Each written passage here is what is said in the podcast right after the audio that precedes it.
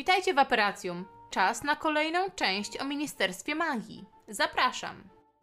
W poprzednim odcinku przybliżyłam Wam historię powstania oraz ministrów, jacy pełnili urząd do okresu I wojny światowej.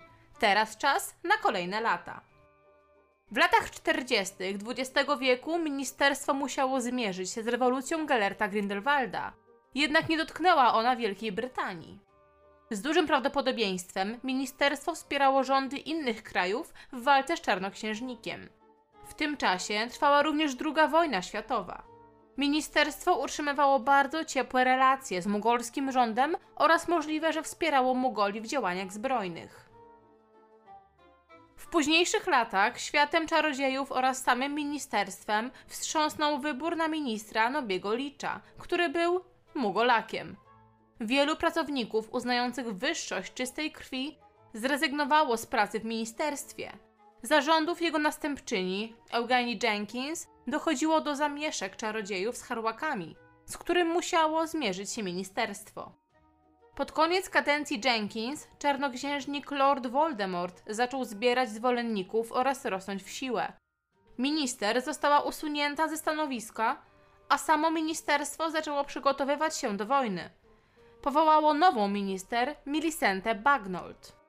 Do wojny jednak nie doszło, ponieważ Lord Voldemort został pokonany przez Harry'ego Pottera.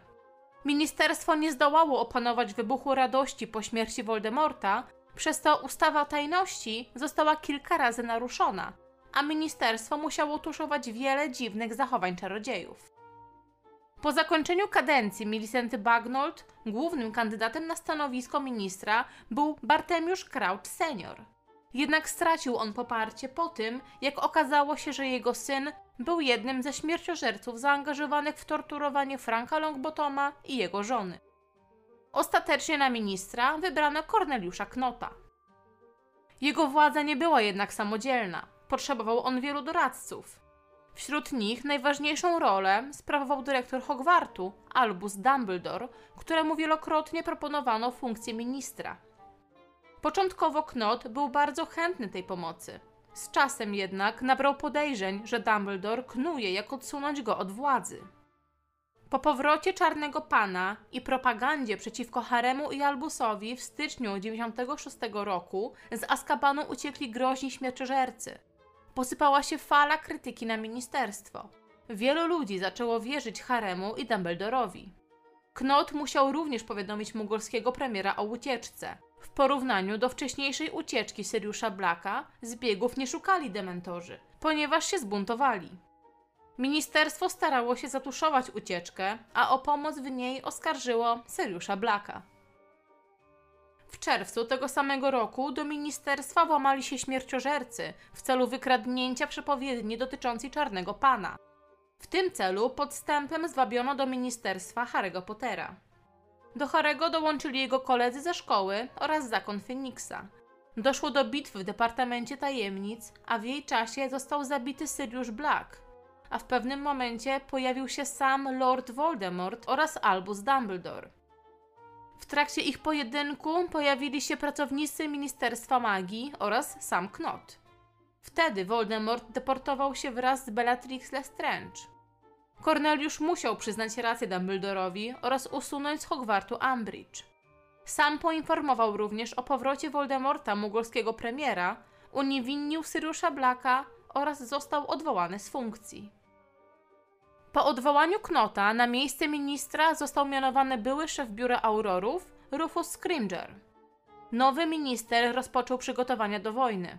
Powołał nowe biura, m.in. Biuro Wykrywania i Konfiskaty Fałszywych Zaklęć Obronnych i Środków Ochrony Osobistej. Ministerstwo wydało również poradnik dotyczący obrony przed śmierciożercami. Mimo to nie wypadł on dużo lepiej niż Knot. Ponownie reagując na opinię publiczną, desperacko próbował sprawić, by ministerstwo wyglądało jakby robiło postępy, mimo że rzeczywistość wyglądała zupełnie odwrotnie. Przykładem tu było niesłuszne uwięzienie Stana Shanpajka. Rufus był zbyt zaniepokojony pozorami fałszywego bezpieczeństwa, czymś co ostatecznie doprowadziło do jego upadku i upadku ministerstwa.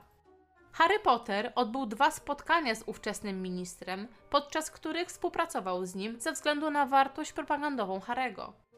Ministerstwo chciało, aby Harry był dzieckiem z plakatu dla ministerstwa, aby dać opinii publicznej nadzieję, mówiąc im, że ministerstwo wciąż będzie ich chronić, stawiając przed sobą wybrańca, który im pomaga. Jednak Harry wprost powiedział, że nie aprobuje stanowiska ministerstwa. To doprowadziło ministra magii do przekonania, że Harry był arogancki i rozstali się w złych stosunkach. Podczas czytania Ostatniej Woli i Testamentu Dumbledora doszło do kłótni, w której Scrimger stracił nad sobą kontrolę. Harry stwierdził, że nigdy nie będzie współpracował z ministerstwem, jeśli będą zachowywać się w ten sposób. Pod koniec lipca śmierciożercy, którym udało się podporządkować zaklęciem Imperius niektórych wysokich stanowiskiem pracowników, przedostali się do ministerstwa. Wieczorem 1 sierpnia 97 roku doszło do cichego zamachu stanu, podczas którego minister został zamordowany. Po zamachu śmierciożerców władzę przejął będący pod zaklęciem Imperiusa Pius Ticknessy.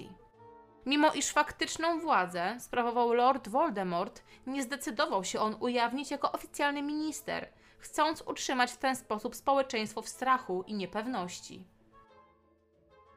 Pracownicy niższej rangi zostali w tym czasie zmuszeni do korzystania z pośrednictwa toalet, a nie tak jak pracownicy wyższej rangi sieci FIU. Pod kontrolą Ticknessy ministerstwo stało się bardzo totalitarne. Została stworzona komisja rejestracji mugolaków. Przeprowadzono niesprawiedliwe procesy, aby wyeliminować mugolskich urodzonych i sprawić wrażenie sprawiedliwości. Ministerstwo zatrudniało także złodziei lub łowców nagród. Zadaniem ich było szukanie oraz łapanie mugolaków i zdrajców krwi. W całej Wielkiej Brytanii powstały obozy takich porywaczy, a ich cele po złapaniu były wysyłane do Azkabanu bądź zabijane. Po zakończeniu bitwy o Hogwart oraz śmierci Lorda Voldemorta, nowym ministrem został Kingsley Shacklebot. Poczynił on wewnętrzne zmiany w ministerstwie, ukarał tych pracowników ministerstwa, którzy aktywnie uczestniczyli w reżimie Voldemorta oraz zwolnił wszystkich niesłusznie osadzonych więźniów w Azkabanie. To wszystko na dziś. W kolejnym filmie opowiem Wam o departamentach oraz biurach i oddziałach, jakie znajdowały się w ministerstwie. A jeśli się podobało, to na brodę Merlina dajcie łapkę w górę.